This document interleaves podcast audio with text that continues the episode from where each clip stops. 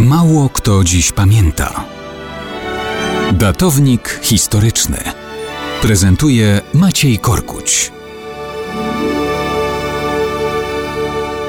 Mało kto dziś pamięta, że 3 października 1501 roku Sejm walny w Piotrkowie podjął jedyną racjonalną decyzję po śmierci króla Jana Olbrachta. Wybrał na króla Polski jego brata, wielkiego księcia litewskiego Aleksandra Jagiellończyka.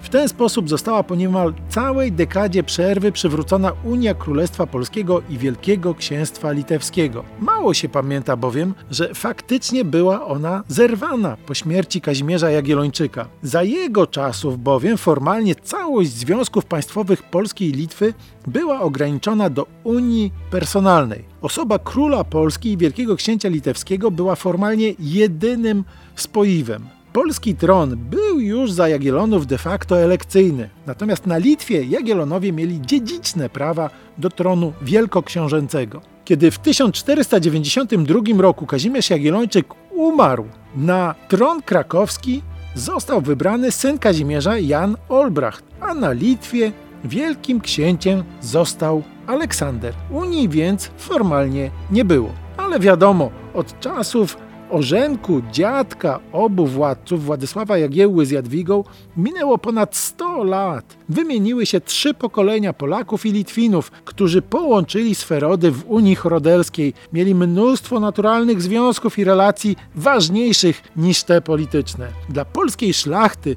było oczywiste, że Aleksander to jedyny racjonalny wybór. I takiego dokonano właśnie 3 października 1501 roku. A Aleksander po porażkach w wojnie z rosnącym w siłę Wielkim Księstwem Moskiewskim potrzebował polskiego wsparcia dla obrony granic Wielkiego Księstwa Litewskiego. Unia stała się znowu rzeczywistością.